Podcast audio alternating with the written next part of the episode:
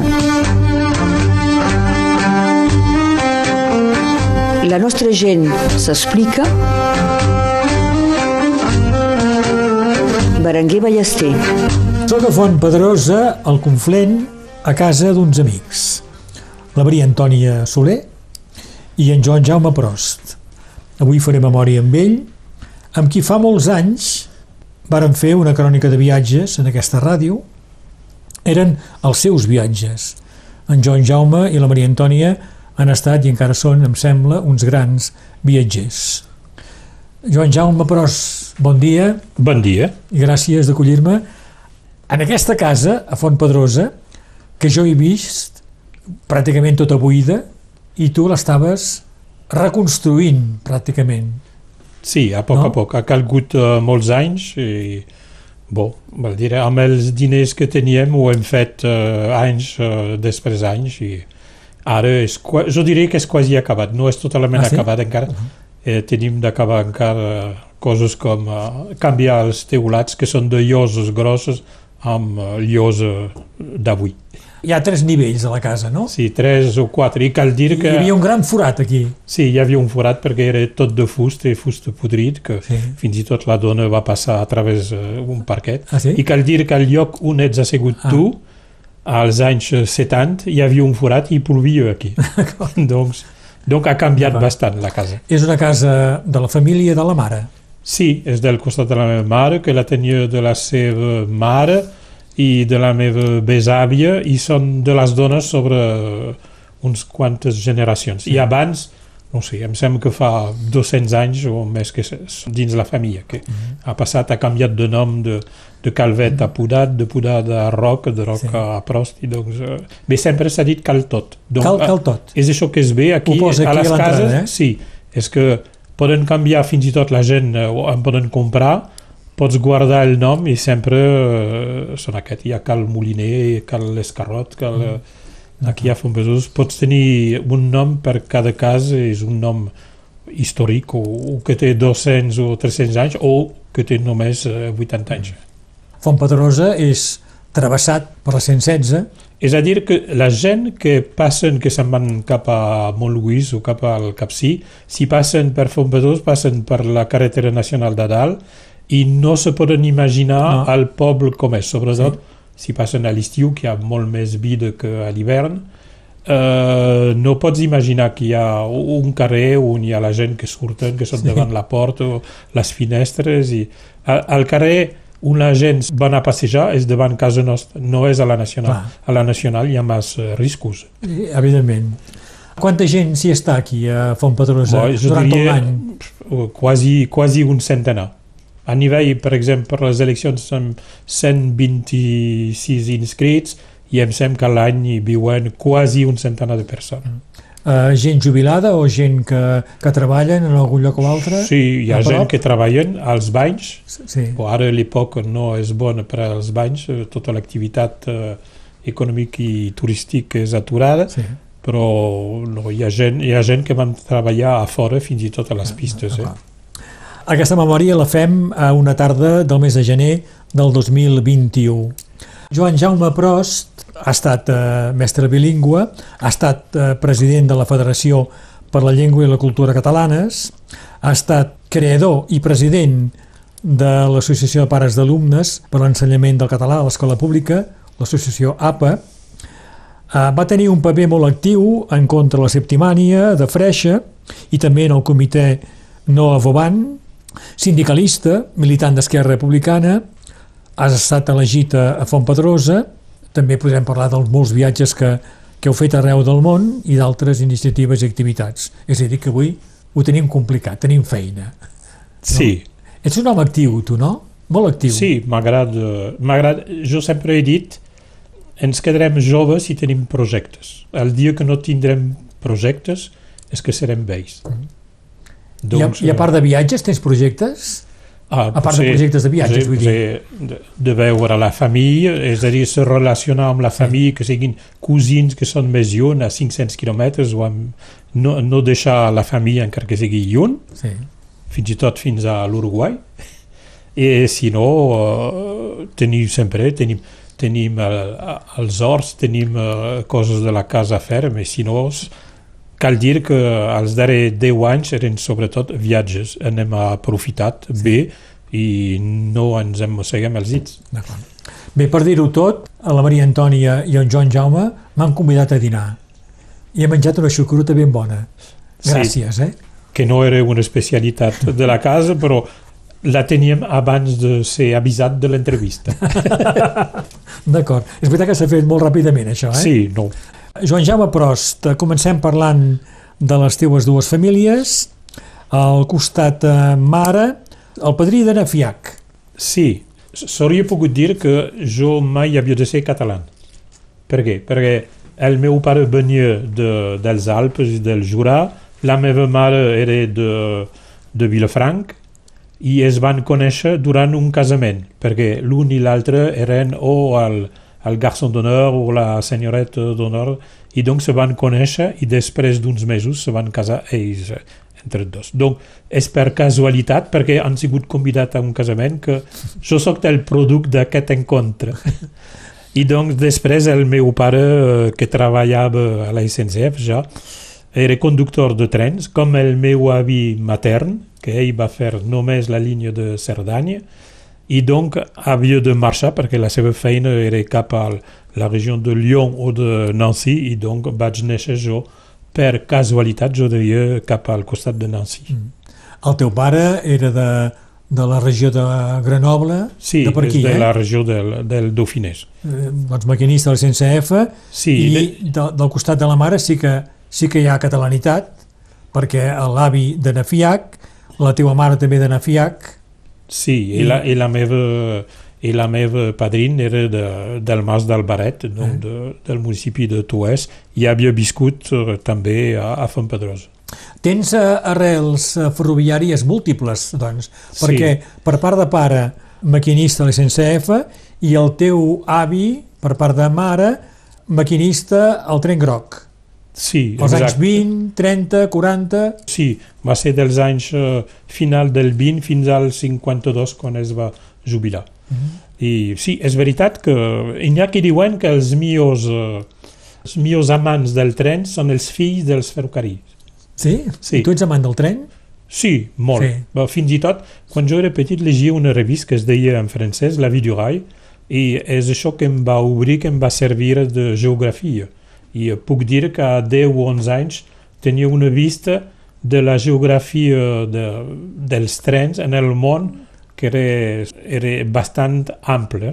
Potser tenia lacunes a d'altres dominis, però en geografia a nivell de, de trens no. Sí. Eh? Fins i tot em recordo que a classe de quarta al col·legi el profe m'havia demanat de li dibuixar la xarxa dels trens a França i jo vaig anar a la pissarra, li vaig dibuixar, li vaig dir quines línies elèctriques hi havia, m'ha dit, bo, sabeu per França, però si jo vos demanava una altra cosa, sé pas, li he dit, quin país voleu la xarxa de Polònia? I a classe de quarta, a esborat França, m'ha dit, allez, ves, li he dibuixat els trens a Polònia i li he dit, aquí és una línia de 1.500, això és el corrent, serà alternatius. I el prof m'ha dit, bo, bo, va bé, fins a, te dono la not i fins al final de l'any calles i ets al fons. Doncs eh, cultura ferroviària, a més a més, que eh, passaves els estius a l'estació de Vilafranca, pràcticament. Sí, ve no? totes les vacances. És a dir, Clar. com el meu pare era de la companyia dels trens de la SNCF, teníem permís de segona classe, que era gratuït, Sí. i podíem fer una, no sé, dotzena o vintena de viatges. Donc podíem fer de, que a l'època on o a Nancy o a Metz o a Estrasburg, cap a Vilafranca directament, i donc no ens costava res. Mhm. Per nosaltres era un luxe Sí. que al final de nit ens podíem despertar i només amb el canvi de bitllet a l'agulla Sí, podíem saber si érem a Belfort, a Besançon Ah, sí? o si érem... Sí, perquè hi ha trens que canviaven de sentits. Quan Sí. arribaven a Belfort, després havia de canviar de sentit per baixar per Lons-le-Saunier, per Bourg-en-Bresse, per Lyon. I al final, eh, sí, segons la velocitat i els altaveus, Sí. sabia que era Lyon-Perrache o Et Avignon. situaves de seguida, Sì. eh? Penso che un sogno così non ritorni mai più.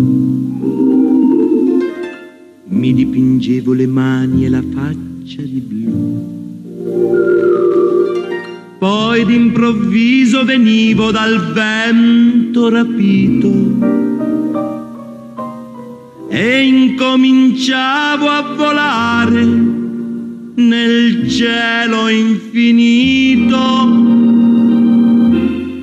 Volare.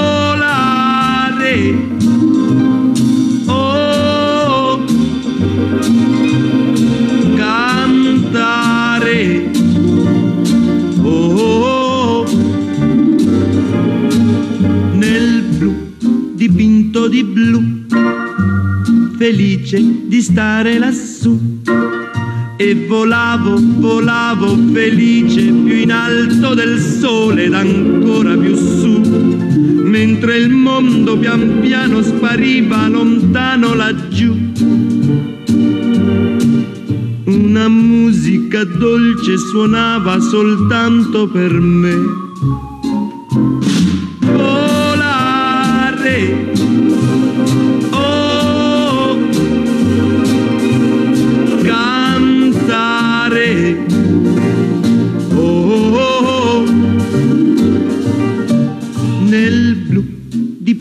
Di blu, felice di stare lassù. Ma tutti i sogni nell'alba svaniscono perché quando tramonta la luna li porta con sé. Ma io continuo a sognare negli occhi tuoi belli, che sono blu come un cielo trapunto di stelle. Volare. Oh, cantare. Oh, nel blu degli occhi tuoi blu, felice di stare qua e continuo a volare felice più in alto del sole ed ancora più su, mentre il mondo pian piano scompare negli occhi tuoi blu. La tua voce è una musica dolce che suona per me.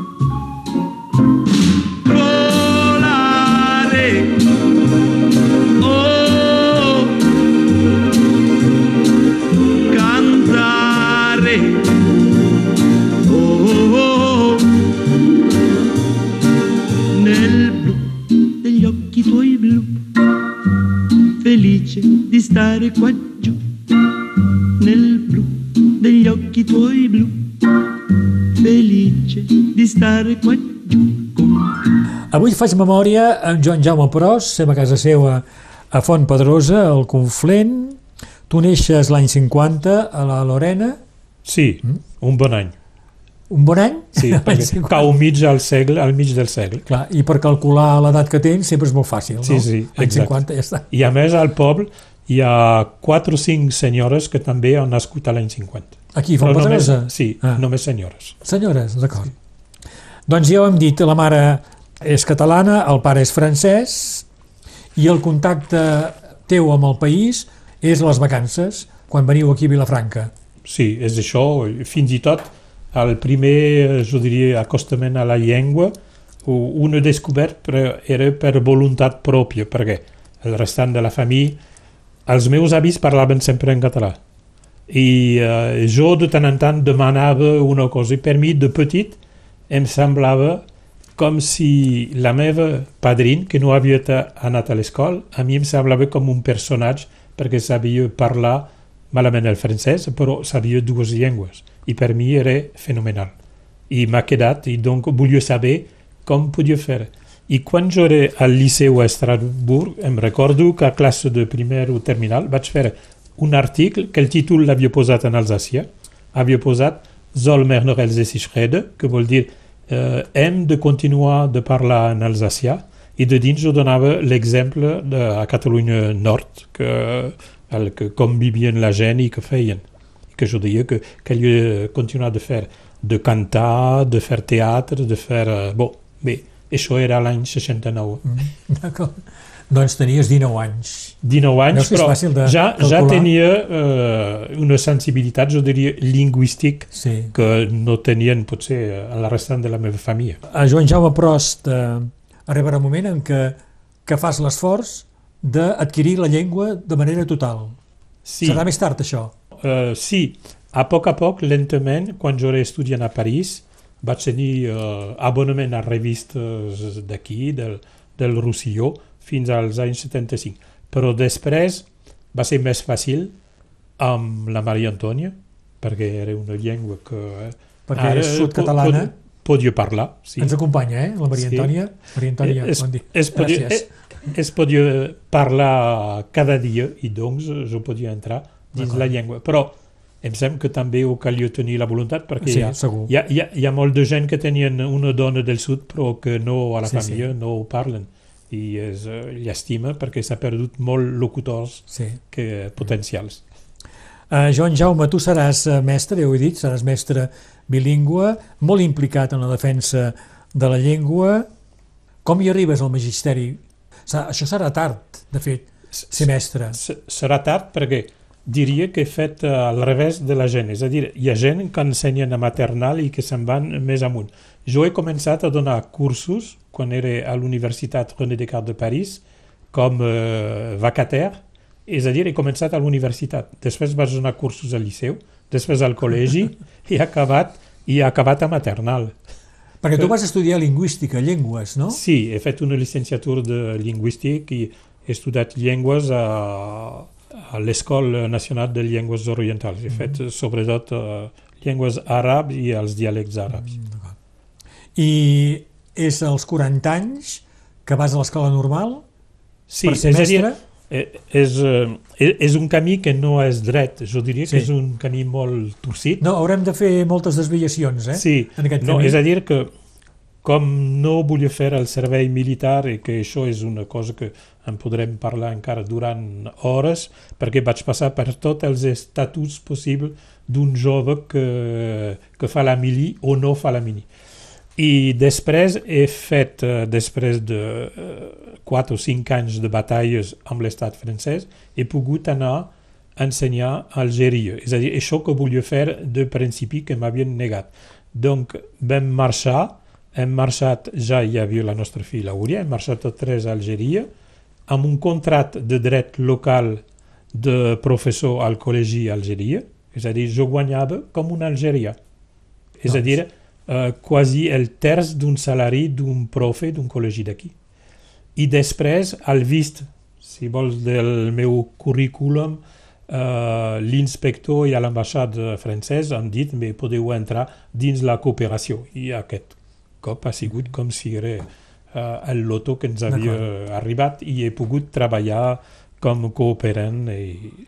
Bé, ha durat, hem passat allà un terratrèmol, la família, hem sobreviscut a coses... A Algèria? Que, sí, Sí. sí, fort, el 10 d'octubre de 1980, però quan hem tornat al 83 em van oferir un lloc de treball com auxiliar eh, als col·legis perquè feien l'integració a poc a poc dels professors que no eren titulars.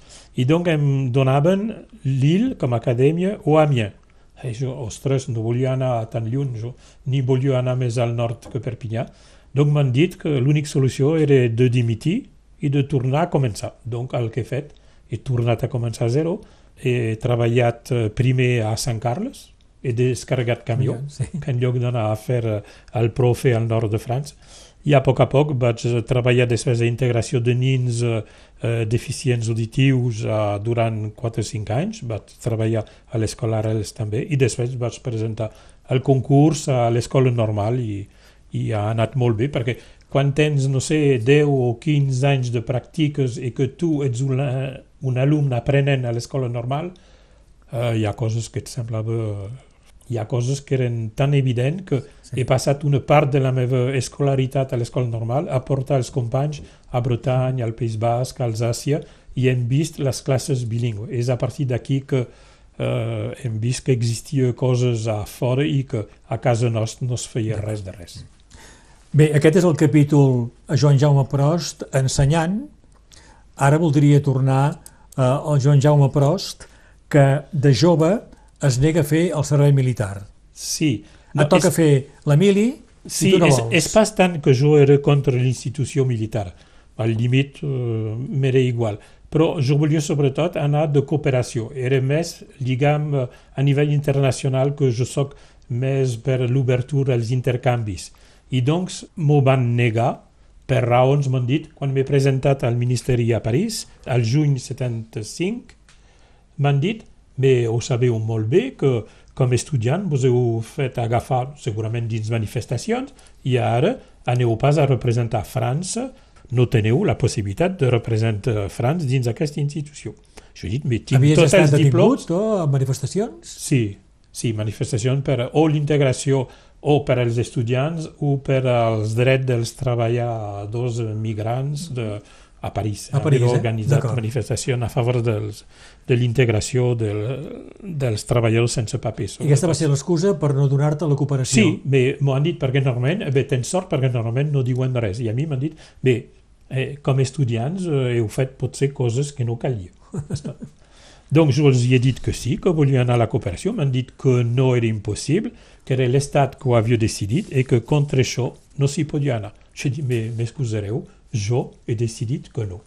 I doncs vaig decidir que no i vaig anar a treballar a Argentina, a Buenos Aires. Et vas, exactament. vas fugir de França, doncs? Sí, vaig marxar. Jo fugir, mai he fugit. Són les institucions que m'han perseguit, però Sí. jo fugia de res. D'acord, tu has marxat, Sí, he marxat, són ells. Jo faltava a les institucions. A mi mai m'han faltat. I doncs vaig anar a treballar allà. Valorosament a Buenos Aires es preparava un cop d'estat i no he volgut continuar allà perquè no tenia vocació al martiri, potser per fer curt. I vaig trobar per uh, un encontre que havia fet amb un director d'una aliança francesa de Sabadell a Estrasburg, havíem fet un stage en comú i donc uh, vaig acabar per fer la, prof a l'aliança francesa de Sabadell. I així... Uh, I és aquí que, que coneixes Sí, La Maria Antònia. Exacte. I entre temps, doncs, sempre eh, eh, la mili, l'armada, eh, em buscava i durant quatre anys i mig m'han buscat, em reclamaven. I com al acaba final- aquesta història, doncs? La història, bé, cal dir que m'havien...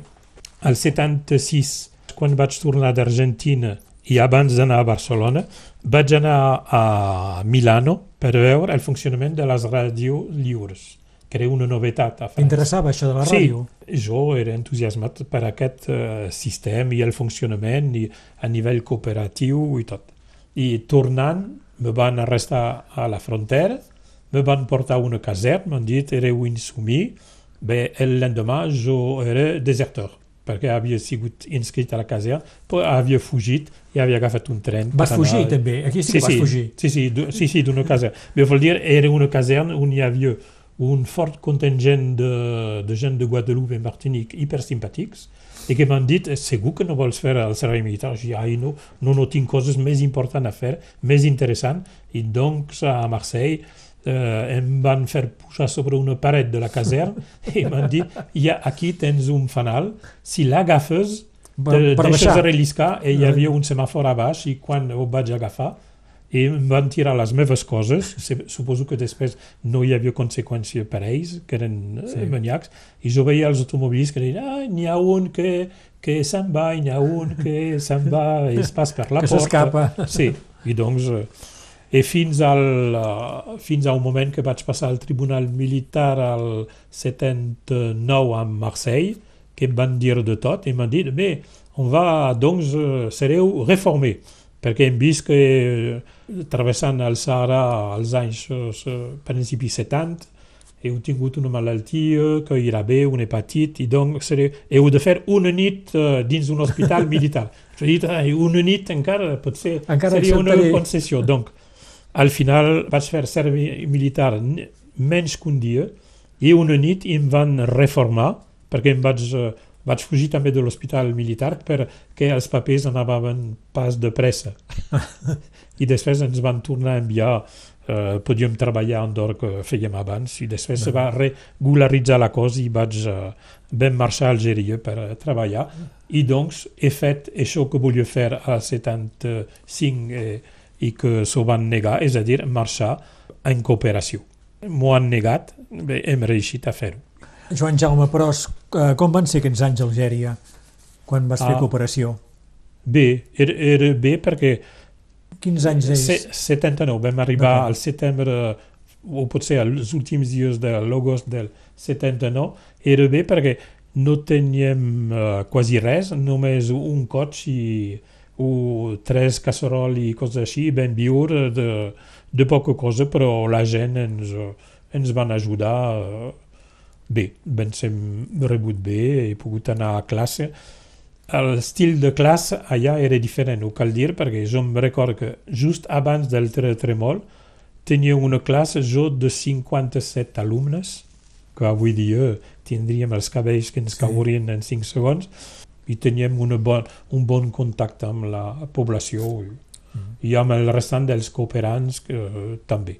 Però cal dir que els cooperants, per nosaltres, eh, amb la Maria Antònia, era una mentalitat una mica diferent. Eh, vivien sobre un altre planet, perquè tenien problemes de... Jo vull pas dir que tenien problemes de rics, però tenien problemes que no eren els nostres. I, i és per això que també volíem tornar aquí a Catalunya Nord, perquè els nostres nins eh, tinguin un país i pas només eh, una il·lusió de viure dins una cultura importada, una cosa així.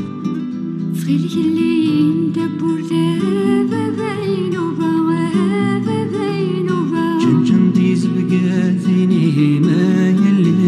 ve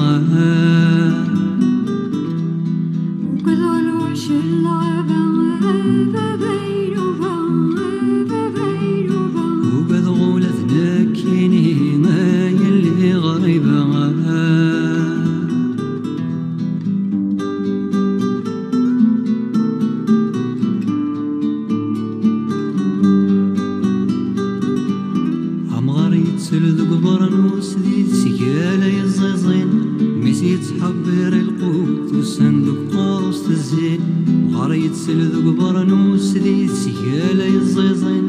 ميسي تحضر القوت وصندوق قوس الزين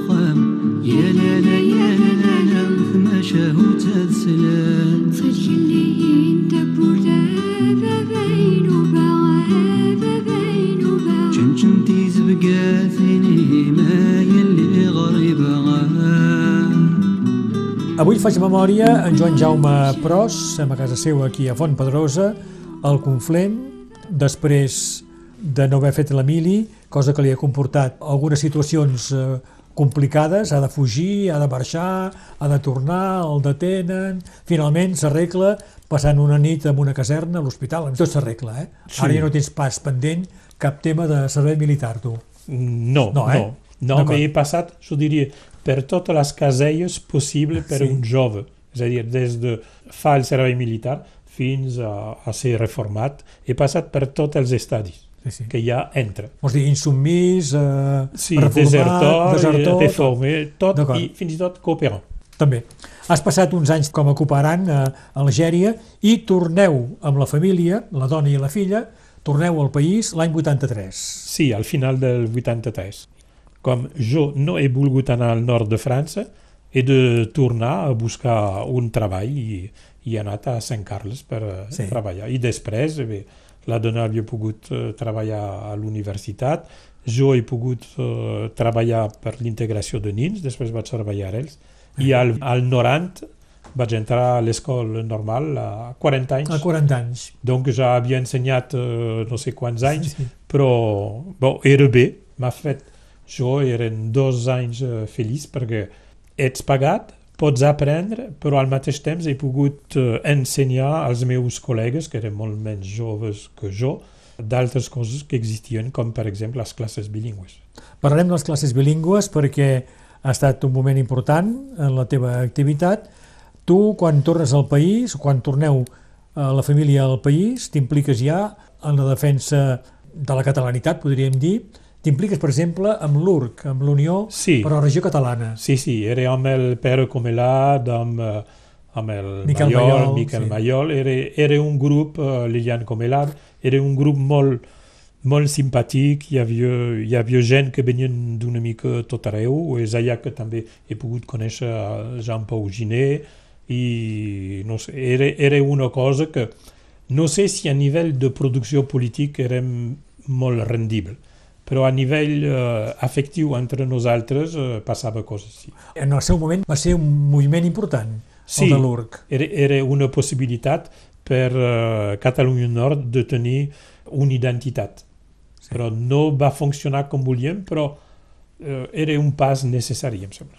Has parlat del Joan Pau Giné perquè havia vingut a fer una animació musical amb un acte de l'URC, és Sí, això, sí, no? era un ja vas conèixer bé. Sí, sí, era un acte, un acte que es feia al Vallespí, em recordo ben bé, i vam discutir amb ell quan ell treballava dins eh, la venda de vins de, de la regió de Bordeaux Sí. i eh, bon, lamentava que no podia ser sovint ara al país i havia de marxar, de fer molts viatges. Joan Jaume Prost, eh, el 89, creació de l'Associació de Pares d'Alumnes per a l'ensenyament del català a l'escola pública, l'associació APA.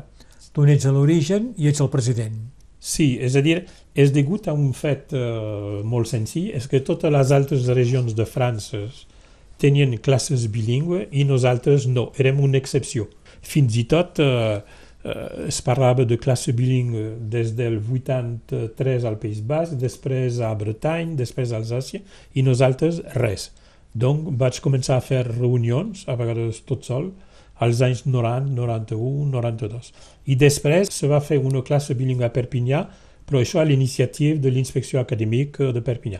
També cal afegir que calia una vitrina, perquè l'educació nacional havia d'ensenyar una cosa. No podia deixar el monopoli només o a la Bressol, eventualment després a Arrels, que no era integrat encara, i doncs volien fer com una vitrina. Però volien fer només una vitrina. Però nosaltres hem fet amb l'associació que després de la, primera creació del 93, al, A Santa Ciscla, no? sí, a Santa Ciscle, és tres anys després una altra creació a Parada i tres anys després una creació a Seret. I després va anar a poc a poc, cada any se, podia fer l'obertura d'una filera. Però al, a l'inici va ser sempre un combat perquè era pas un combat per als pares, perquè els pares eren motivats. Jo els deia als pares, teniu dues possibilitats. O una inscripció administrativa, és l'inscripció que fa cada pare que porta un nin a una escola. I després teniu una possibilitat de fer una inscripció pedagògica. A l'inscripció pedagògica podeu demanar per al vostre fill un plus, és a dir, que pot aprendre també amb una altra llengua. I aquesta llengua pot ser la nostra. Donc podeu aprofitar.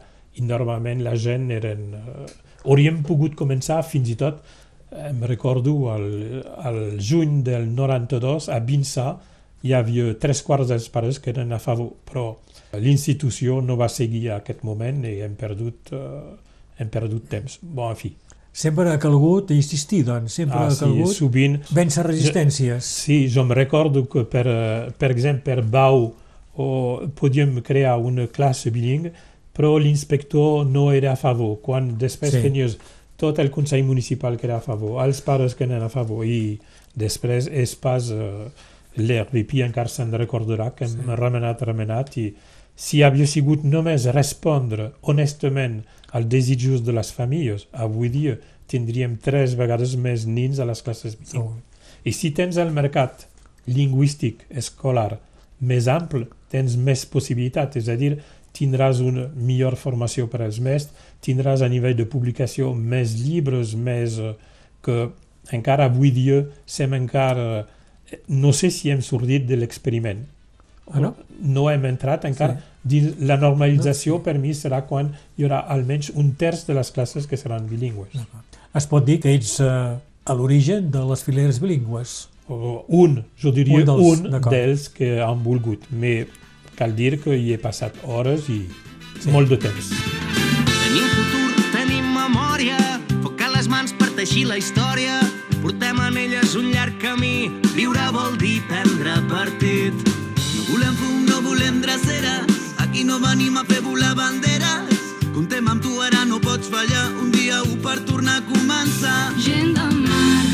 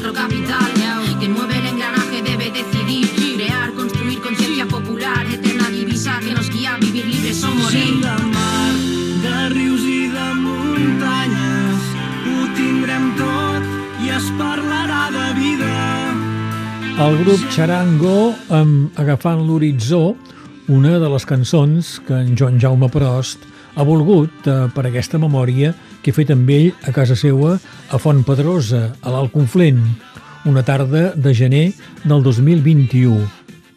En aquesta primera part eh, també hem escoltat Domenico Modugno amb el seu Volare, una cançó que sempre li ha agradat per aquest instint de llibertat que suggereix la cançó i que li recorda com de mainatge imaginava que volava.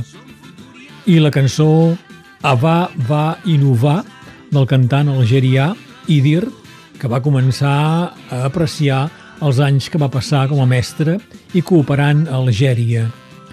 En Joan Jaume Prost encara ens ha d'explicar un munt de coses.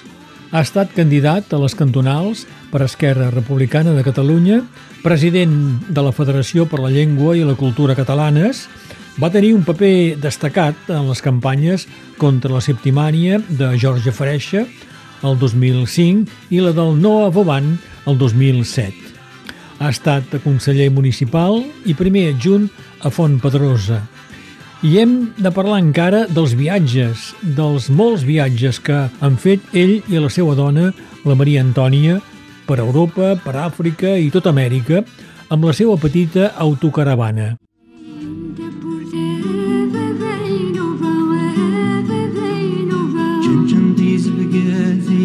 ما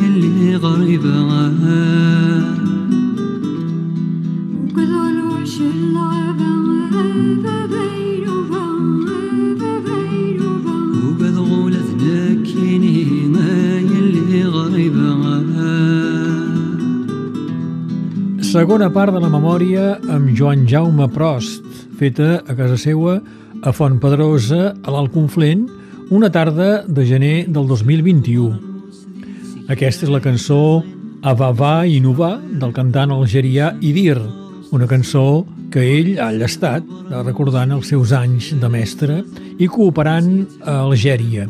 Ho ha explicat a la primera part. Ja sabem que ell va néixer a la Lorena el 1950. Son pare, de la regió de Grenoble, era maquinista a l'SNCF i son padrí, costat mare, maquinista al tren groc, anys 1925-1950. D'aquí li ve la seva passió pels trens. Ja a l'escola coneixia pràcticament tots els mapes ferroviaris europeus. Ja ha explicat totes les seues aventures pel fet de no voler fer el servei militar, com en un primer moment no li han acceptat fer de cooperant pel fet d'haver estat detingut en una manifestació a París, el retorn al país, després d'uns anys a Algèria, i la creació de l'APA, l'Associació de Pares d'Alumnes per l'Ensenyament del Català. A l'origen de les fileres bilingües, ell en va ser el primer president.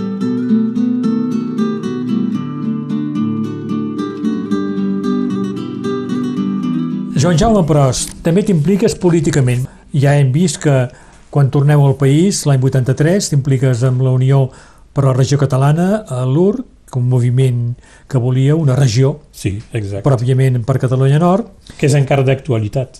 Sí, Quan veiem el que passa Sí. amb l'Occitània, que ens fem menjar amb uh, ple de coses sobre bourg centre d'Occitània i coses així, donc em sembla que era pas només un somni una mica fora de, de terra. Sí, sí. La teva implicació política es fa a través de l'Esquerra Republicana. Esquerra Republicana de Catalunya, que té una federació aquí al nord, i el 2004 et presentes a les cantonals al cantó de Montlluís. Sí, el problema quan ets en, a nivell rural, o potser de muntanya, és que te fas la campanya tu mateix, no tens eh, 20 persones que t'ajuden per enganxar els cartells, doncs eh, calia fer tot tot sol i donc podia pas demanar massa a la gent de Perpinyà de pujar per fer això, m'he intentat de fer reunió a cada poble, ha donat resultat eh, jo diria quasi insignificant, perquè eh, freguem sempre al 5%. Sí. Eh? Però aquí a Doncs, Fontpedrosa vas tenir un 16%. Sí, uh, va ser quasi un èxit a Fontpedros perquè m'han dit, oh, 16% és com ERC al sud. Jo he dit, sí, però és només Fontpedros. Eh. Donc, uh, malauradament he pas, passat els límits Sí. de la, del meu municipi. Però era una campanya interessant perquè s'ha pogut discutir amb la gent i T'impliques eh, amb la federació i suposem que és el 2004, no tenim clar en quin moment, ets elegit president de la Federació per la Llengua i la Cultura Catalanes, Sí. que reuneix, teòricament, sí. les associacions catalanes de Catalunya Nord. Sí, perquè és havies de ser una mica, jo diria, eu- ecumènic, és a dir, que de fer que gent que es podien tots junts suportar puguin treballar junts. Va intentar i fet eh, el que he pogut i, bo, em sembla que és, era un, un, un bon tros de cosa per al país que hem fet per, a, per ajuntar forces i, i, per exemple, hem pogut anar a Brussel·les, hem presentat la situació lingüística de Catalunya Nord amb un viatge i érem amb un representant de, de moltes entitats, hem marxat, érem, no sé, 12 o 13 o 14 persones que hem passat eh, dos o tres dies a Brussel·les i hem pogut trobar diputats europeus i pogut, hem pogut presentar tota la situació que hi havia aquí a Catalunya Nord. Donc hem fet... Eh, bon, podeu veure que siguin o a nivell de l'escola normal o siguin de la federació, sempre hi ha viatges. Mai t'ha costat fer viatges, eh? Per, No, és que- per anar a negociar amb el No, Ministeri, això no- amb l'inspector no d'acadèmia, el que sigui. No, és això. I fins i tot, jo diria que totes les manifestacions que s'han fet després, que sigui a Barcelona, que sigui a Brussel·les, que sigui a Estrasburg, sempre he sigut present. Donc, és a dir, que he dit, si calia anar manifestar un dia a Nova York, iríem a Sí. Nova York, a la seu de les Nacions Unides, a manifestar. I això no. Tots tenim només una terra, un món, i per mi tots vivim dins el mateix món. Doncs, eh, Joan Jaume Prost, el 2005 10.000 persones es manifesten a Perpinyà contra l'intent del president de la regió Llenguadoc-Rosselló, Jorge Freixa, de canviar el nom de la regió per Septimaní.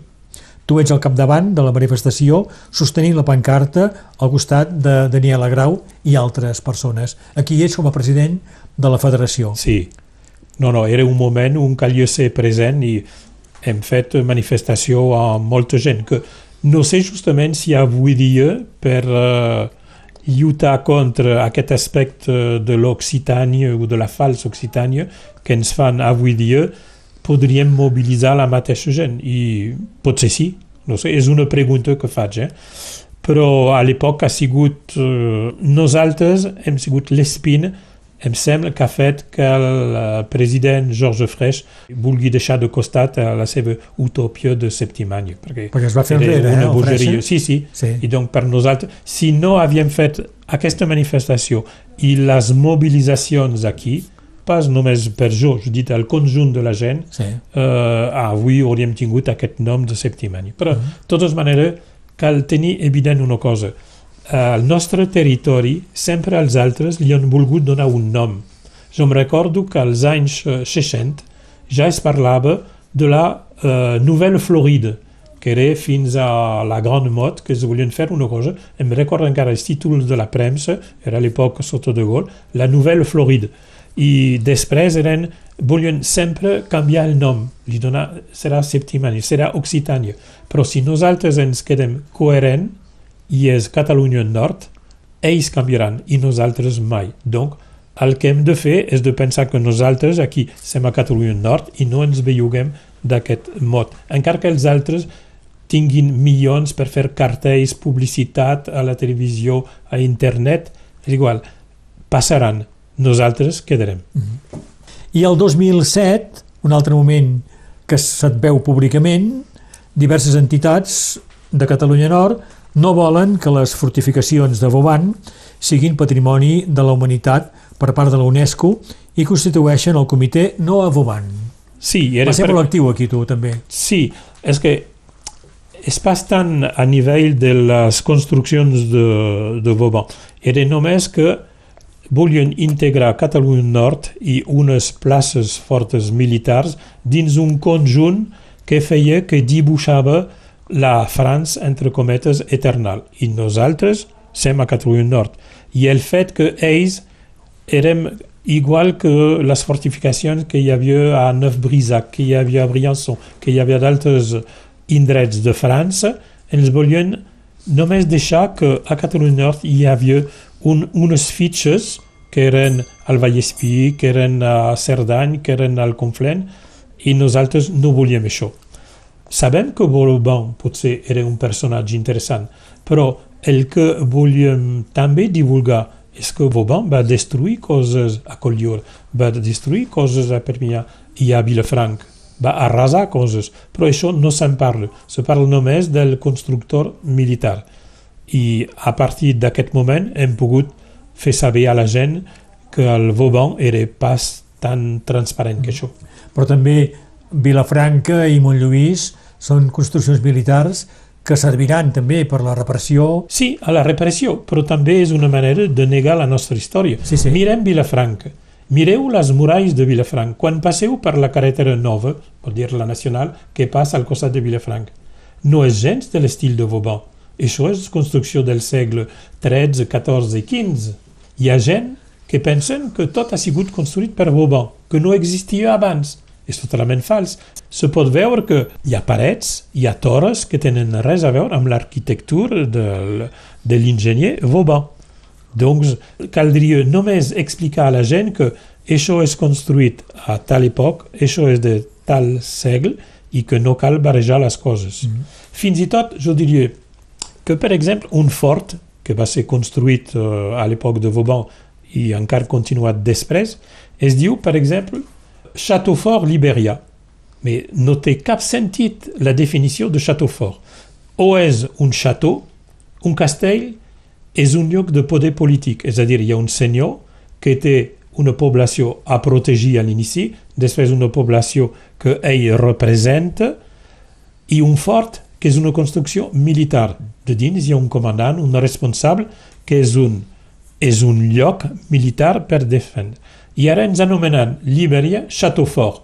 Mais mai a Libèria hi havia un representant polític, allà hi havia només militars. Donc, perquè és com un xic salsa. Salsa, le château. Mais a Sals mai hem tingut un château, era un fort militar. Un fort, clar. Donc és la nostra història que a poc a poc la canvien. La canvien perquè a nivell turístic ben segur és més interessant tenir un, uh, un château, un castell, que un fort. Fa venir més gent. Però és una transformació una mica, jo diria, a la Disney del nostre país. I és també per això que hem protestat que no volíem pas disfressar el nostre país. Eh, si la batalla Septimani es guanya, la de Novoban es perd. Sí, es perd, però la batalla ha deixat... eh, Sí, però la ha- informació ha passat també. Sí, sí, ha deixat eh, rastres, és a dir, que eh, s'ha vist que Vauban eh, era pas ben net tampoc que hi havia cap acceptació per la població. Perquè ens han dit a tot arreu, vos diran, una plaça fortificat per Vauban era imprenable, és a dir, que no la podien agafar l'enemic. Eh, totalment fals. Primerament a Montluís mai ha sigut atacat, donc com poden dir que no? no Després diuen Vilafranc. Eh, Vilafranc, al 1793, Vilafranc eh, va ser obert en 20 minuts. I per què? Perquè els habitants de Vilafranc van obrir les portes, tu. I doncs, què vol dir? I després te canten que una plaça fort fortificada per Vauban és imprenable. Eh, Depèn de qui hi ha dins la plaça. School days over. Come on then, John. Time to be getting your pit boots on. On with your sock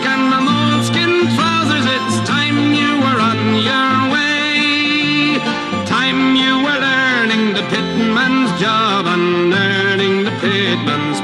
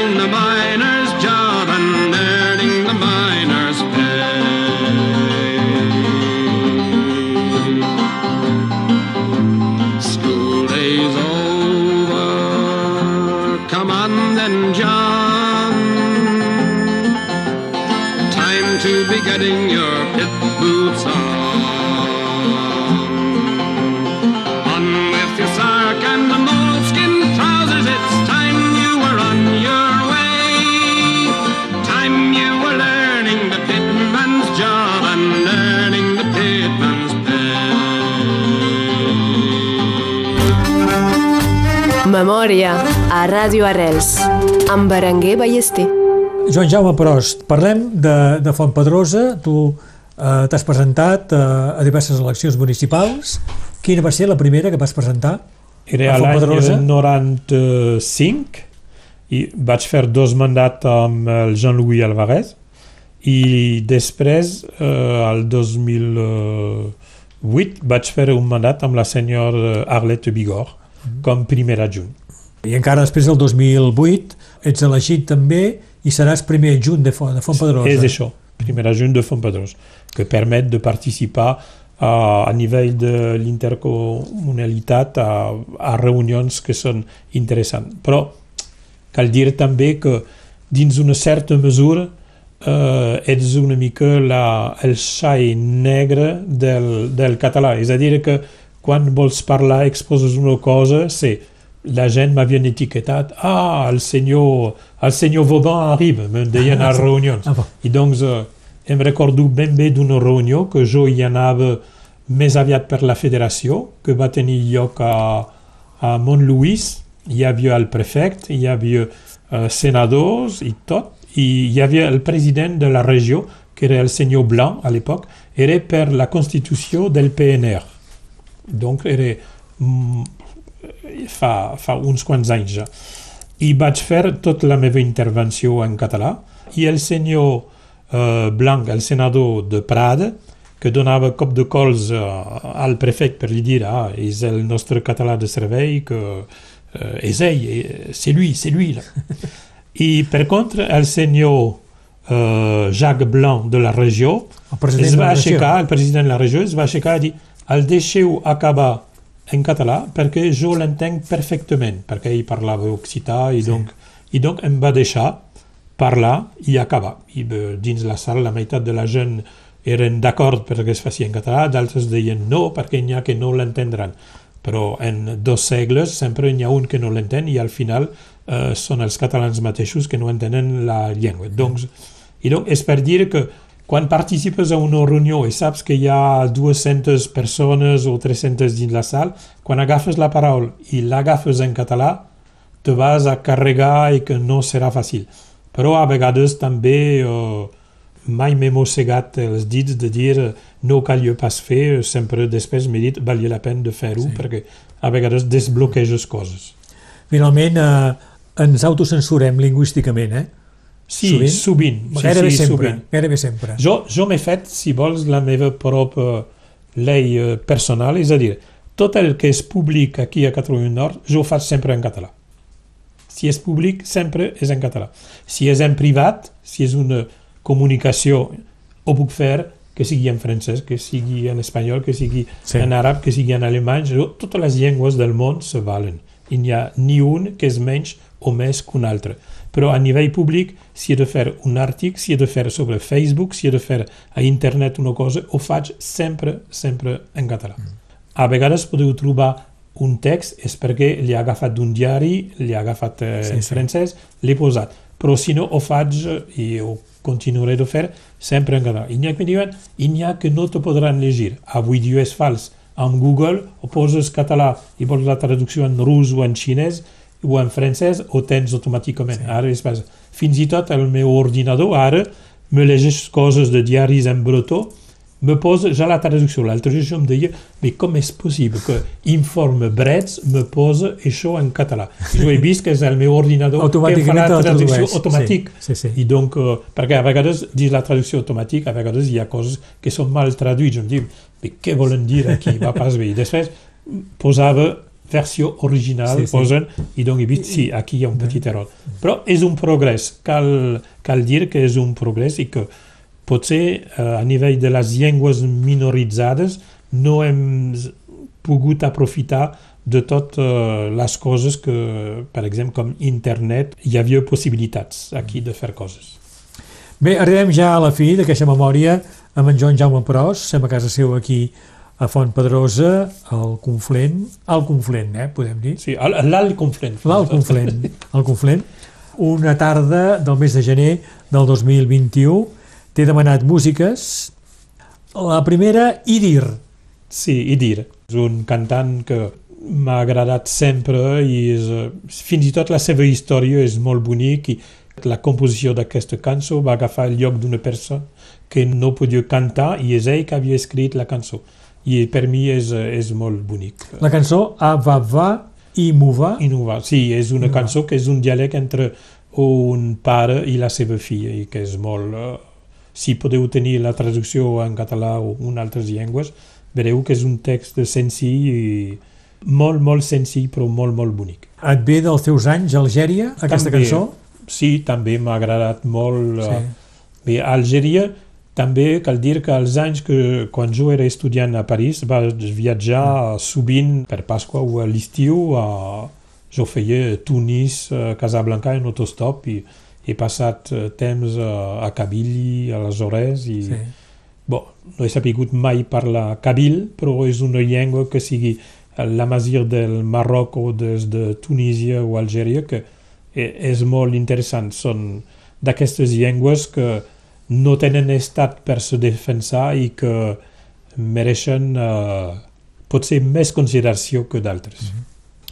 Els Dubliners, també. El, el els Dubliners grup... és una mica la meva joventut, uh, de, ah. quan jo tenia 20 anys, i que era una música molt... Uh, Alegre, molt, no? Uh, sí. Engrescadora. Engrescadora, és el sí. mot que cal. Sí, sí.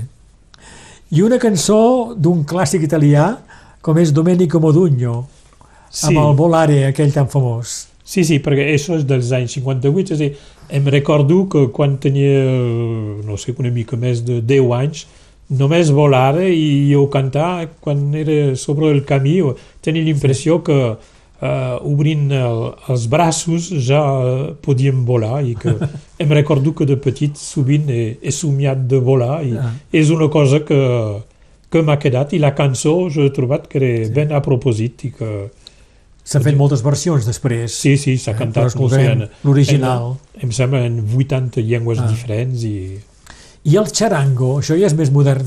Sí, és més modern charango... perquè és una mica la, una mica del, del 1 d'octubre, la filosofia que sí. actualment bé, eh, belluga i motiva eh, als països catalans sí. i, i sobretot Catalunya. Que mm -hmm. Si no en fem part eh, físicament, sentimentalment, no podem treure el lligam que tenim amb Catalunya. La cançó de Charango, agafant l'horitzó i també Giné, Joan Pau Giné, que vas conèixer, amb la cançó del Xirment.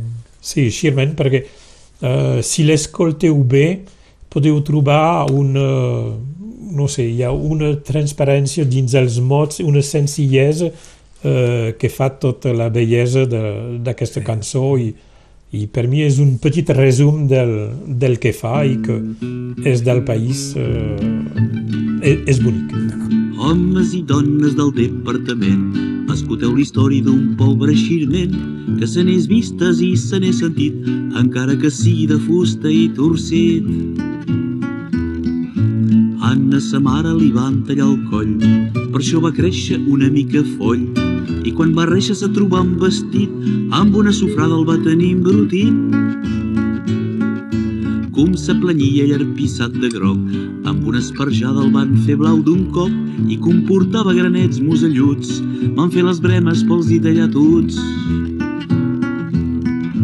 Quina tristesa del sort maleït, un cop de vent li va robar el vestit, i quan novembre el va haver despullat, unes estisores li van tallar el cap Mil qui pel sol la sa fer dolent sang, sus de la rabassa un ull anava plorant, fins que una tarda una mà el va agafar, per anar fent fogot un el van lligar. Tan ficelats amagaven un poc, per anar a fer brasa en van encendre un foc, ni com el que havia pres l'esmorzar, encara de queixa se'n va poder salvar. Vinga picar i tostar i fer mal, sus de les costelles del pobre animal, i quan va haver jugat el seu bocí, el van gitar sul vell mig del camí. Un poc més tard, com passava per aquí, el vaig trobar sempre al mig del camí. Machinalment el vaig prendre amb major, no es van fer companys i me va contar això. Homes i dones del departament, escolteu la història d'un pobre xirment que se n'és vistes i se n'és sentit, encara que sigui de fusta i torcer. Bé, abans d'acabar parlem de viatges. Ja he començat dient que tant en Joan Jaume com la Maria Antònia són grans viatgers, han fet molts viatges, se passi arreu del món, ens ho explicarà. I aquí tens, eh, Joan Jaume Prost, una pila d'àlbums de fotos. Sí, de, de viatges. És a dir que a partir del 2014, després de quatre anys de viatges, eh, vaig fer un blog que es diu Entre cims blogspot on hi havia el nostre viatge dia al dia. És a dir, la gent ens podien seguir, a vegades marxàvem vuit mesos, eh? Quan hem anat a Amèrica del Sud hem fet, eh, hem passat per la Patagònia, Xile, Uruguai, i quan hem anat a Amèrica del Nord hem, fet, hem desembarcat a Halifax, que és a la costa est del Canadà, i hem anat fins a Alaska, passant per al centre dels Estats Units, després hem fet la costa oest i hem tornat per el sud, hem anat fins a Key West i hem fet, uh, hem fet coses que ens han dit no podeu fer perquè és molt car, però cal una mica de sous. Ho sí. feu amb una autocaravana? Sí, amb un furgó. És activa encara aquesta web? Sí, sí, sí, sí, sí, sí, sí, sí funciona. Ara es pot veure tots els viatges segons els anys. Eh, I també eh, ho hem fet per la família, no sé, per la meva mare, que a 97 anys no pot, eh, no pot utilitzar, utilitzar internet com cal. Donc, àlbums de fotos que podem ensenyar a gent. I donc, ca, per cada viatge que fem... Hi ha, Maroc, 2019. Hi ha, sí, per exemple, hi ha el viatge, hi ha viatge sobre el Senegal que hem fet darrerament, Veus aquí tens l'àlbum, és un dels últims viatges que hem pogut fer abans que hi hagi el Covid. Senegal 2019. És a dir, hi ha tot el nostre recorregut, ha les fotos, Hòstia. perquè hem, hem marxat per anar a Palmarín. Per què Palmarín? Perquè amb l'associació de Lluís Llach és allà que es podia portar llibres, ell ha portat uh, ordinadors, nosaltres hem portat material escolar que hem recollit aquí amb uh, la família, sobretot, i a Perpinyà, i hem baixat amb el nostre furgó carregat de vuit caixes de material escolar i llibres per una biblioteca i escola allà. I ha sigut uh, fenomenal perquè a un moment em van dir no portes res allà, és millor de donar cèntims i comprem i compraran uh, llibres d'edició local. L'únic problema és que d'edició local no hi havia res perquè quan jo he demanat un llibre imprès allà, que sigui en llengua d'allà o en francès, no, no es podia comprar res perquè no ho tenien.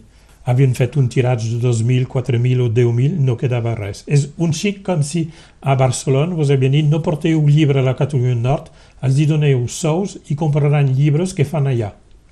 Si sí, no se'n fan... Sí que de llibres en fa uns quants aquí, però es fa un tiratge de 200 o 2.000 i després és acabat. No podeu triar, no teniu una estanteria de llibreria per triar llibres. No es portava no, allà, material cap allà. Allà és exactament igual. Sí, sí. Donc érem contents de portar material.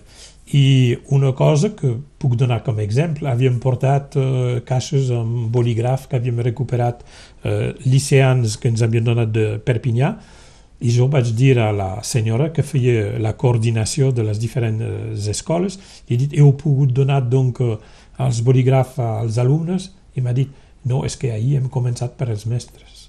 Ah, d'acord. No, I havíem portat també eh, paper per dibuixar, que eren dins un estudi que es diu de, de cançó aquí a, sí, a l'estat sí. francès, i donc eh, quan hi hem posat tots els paquets de cartolina de color, aquesta senyora ens ha mirat i superb, enguany per Nadal podrem fer la decoració de l'escola.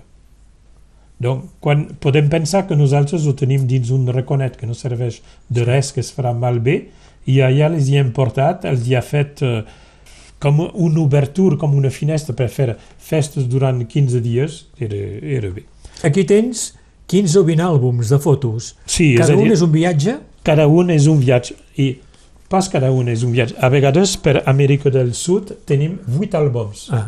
Perquè era llarg. Donc ah. hi ha fotos, hi ha fotos eh, del Brasil, d'Argentina, de, hi, ha, hi ha coses boniques a veure, coses d'Amèrica del Nord també. Donc so, són àlbums que fem de tant en tant, sí. cada dos mesos en fem un, perquè he començat per als viatges més recents i acabarem per als primers, és a dir, en, en temps els més antics. Heu fet, suposi, doncs, tota Europa, tota Amèrica, sí, Àfrica... Sí. És una manera de dir perquè uh, són, no són tant els quilòmetres que compten que els llocs que ens van agradar i la gent que ens van agradar. Per exemple, jo em recordo ben bé, als Estats Units, gent ens van dir què vos agrada més als Estats Units? És més la Califòrnia? És més la ciutat? És la Florida? I jo els deia, no, el que m'agrada més als Estats Units són els americans. I es quedaven parats i ah, bo, i per què són els americans?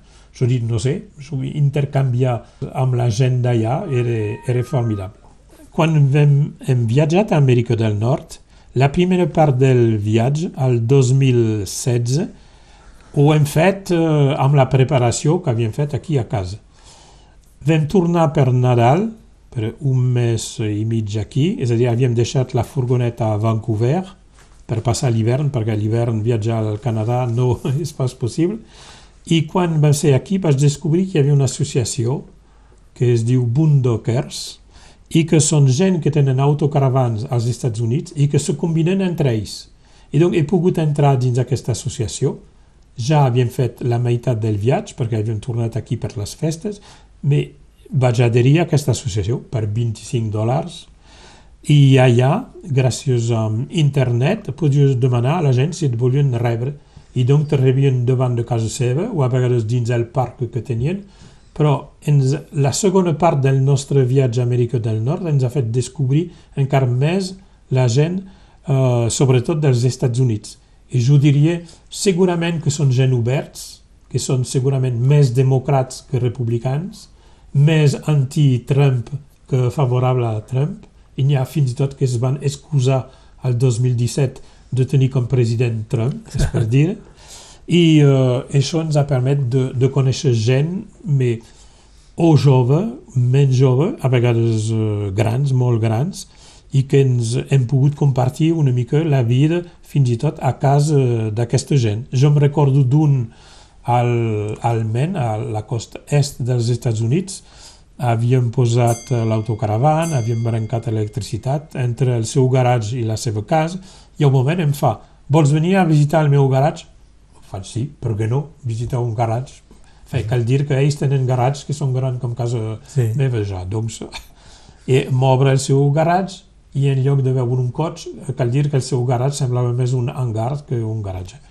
Veig un avió de dins i jo faig, ai, ostres, i hi havia cap pistes d'avió a l'entorn, tenia un carrer pendent, jo dic, i com? Dic, no, fa dos anys he començat la construcció d'un avió. Ah. Havia començat la construcció d'un avió per quatre persones, que feia no sé quants metres, i doncs m'ha dit, ah, mira, t'interessa? Jo, bon, m'interessa sí i no. Bon, li he demanat com funcionava la calefacció del seu avió. Fa, en una hora m'ha explicat tot el sistema. Bé, és veritat que allà la gent tenen... Quan tu tens uh, quatre eines de mecànica al teu garatge, allà ells ten, tenen quasi un garatge Sí? Pas, el, ple d'eines. Pa, pas, el, pas el garatge per aparcar el cotxe, el garatge com per reparació d'automòbil per als cotxes. I el tema llengua, doncs com ho fèieu? Domineu les llengües? Anglès? Sí, jo, la, espanyol. la dona sovint ha parlat en castellà quan podia. Jo, en, en anglès eh, ha anat bé. Fins i tot ha anat bastant bé perquè m'han dit que jo parlava més, de que, més bé que els texans. Ah. Donc, cal dir, o, o els texans parlen molt malament, Probablement. però m'han dit que m'entenien més bé que els texans. Donc, jo dic, bo, donc ha, ha de ser mitjà perquè i pobres texans no, no. Eh, no sé com parlen, però... Joan Jaume, però suposi que aquest confinament us ha frenat en aquests viatges? Sí, ha frenat, però ens deixa temps per pensar molts viatges encara. Doncs no. eh, en teniu pendents molts encara Ai, viatges? Sí, hi ha viatges eh, tant cap a la Xina, cap a l'Iran, que voldríem veure, i d'altres països. Voldríem tornar a Armènia, voldríem tornar a Uruguai i Argentina i, i descobrir, i sobretot tornar a Senegal, perquè era un viatge que hem pogut eh, la descoberta de la gent i portar coses eh, interessants per a ells, perquè els senegalesos són gent fantàstica, ho trobo, són molt filosòfics. Mm -hmm. És a dir, per exemple, érem a l'illa de Gorée, que és una petita illa que és, és famós, malauradament, per el eh, tràfic dels esclaus, però allà és un centre, un xic turístic. Mm. I vam menjar dins un petit restaurant d'allà, i la persona que ens portava el menjar m'ha vist amb el llaç eh, groc, groc i em diu, bon, i doncs l'independència de Catalunya com aneu a fer? Bé, coneixia pensa, tot, doncs. Sí, és a dir que gent del carrer sí. ens preguntava per l'independència de Catalunya. I doncs eren molt filosòfic, perquè ens va dir, i quan sereu independent, quins seran les primeres coses que aneu a fer? Perquè doncs gent, eh, sí. fins i tot, pas només al Senegal, ens van preguntar a, a ple d'indret. A Amèrica del Sud hem fet eh, explicacions, hauríem pogut donar conferències. Eh? Sí. Sí, ha, hi ha al Marroc, jo me recordo que el suc del Marroc passaven dins d'un suc tancat, al fons d'una botiga, ens han vist amb el llaç i ens fa «Visca Catalunya!» I, donc, I la gent es demanava, i doncs, va bé, va, dèiem, eh, sabeu encara, eh, és pas encara fet, però a poc a poc, i la gent amb un somriure com, com si eren un xic còmplice. Molt bé. Bé, acabem. Cal dir que aquest, a, la, a la fi de, de l'enregistrament ha estat un poc pertorbat sí. perquè la teva mare, pobra, de 97 anys, sí, té, que s'està parada... Ha tingut un disfuncionament del seu alarma de casa i donc ha calgut tallar 4 o 5 vegades no l'entrevist i, i pobre Bringuet tindrà doble treball per al muntatge. Joan Jaume, gràcies. La Maria Antònia justament ha hagut d'anar cap a Prada sí. a ajudar a ta mare. Sí que es veu que és l'antifum que s'ha disparat, no? Sí, sí, una cosa que Bo, aparentment no és greu, però... Gràcies d'haver-me acollit a casa vostra. Gràcies a vosaltres. D'haver-me convidat a dinar una bona xucrut. Sí, que no han fet, en fem un cop a l'any i donc ha, ha, ha tocat. caigut, uh, sí, t'ha tocat. Joan Jaume Pros, gràcies i bon dia. Gràcies a vosaltres. Adéu. Volare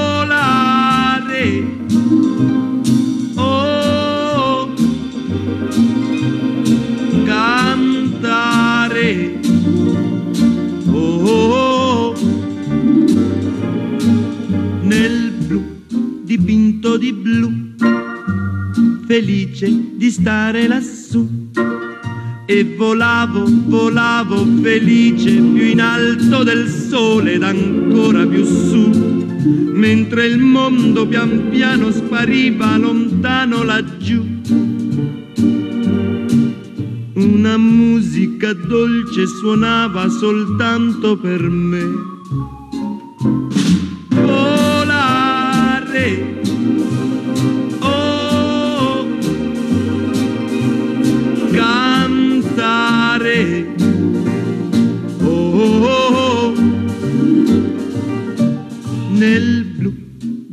Dipinto di blu, felice di stare lassù. Domenico Modugno amb el seu famós Volare, una de les cançons que en Joan Jaume Prost ha volgut en aquesta memòria enregistrada a casa seua a Font Pedrosa, a l'Alconflent. En Joan Jaume, abans de marxar, em dona un parell de pots de confitura que ell fa, un de gers i l'altre d'albercocs. En fa desenes de pots, de fruites diferents, que després dona, evidentment, a la família i també als veïns. Passem un moment al balcó que dona a l'hort que té, es veu tot el poble. Quan travesses Font Pedrosa per la 116, només veus portes tancades, com si les cases fossin abandonades.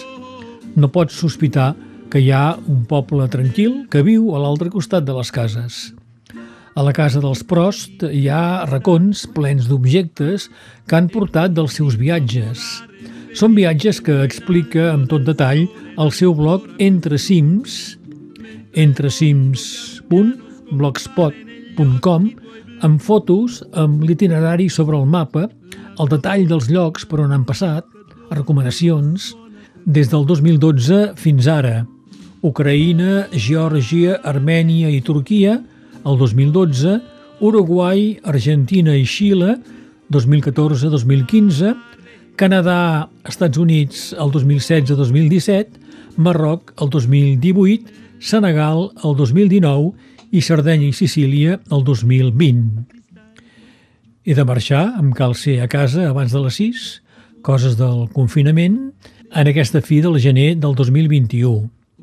En Joan Jaume m'acompanya fins al pàrquing on tinc el cotxe i on hi tenen l'autocaravana amb la que han fet centenars de milers de quilòmetres – en tots aquests anys de viatges per Europa, Àfrica i Amèrica, mai han tingut cap problema de robatori. Només un cop els han entrat per robar dins l'autocaravana. Va ser fa un temps en aquest pàrquing prop de casa seva.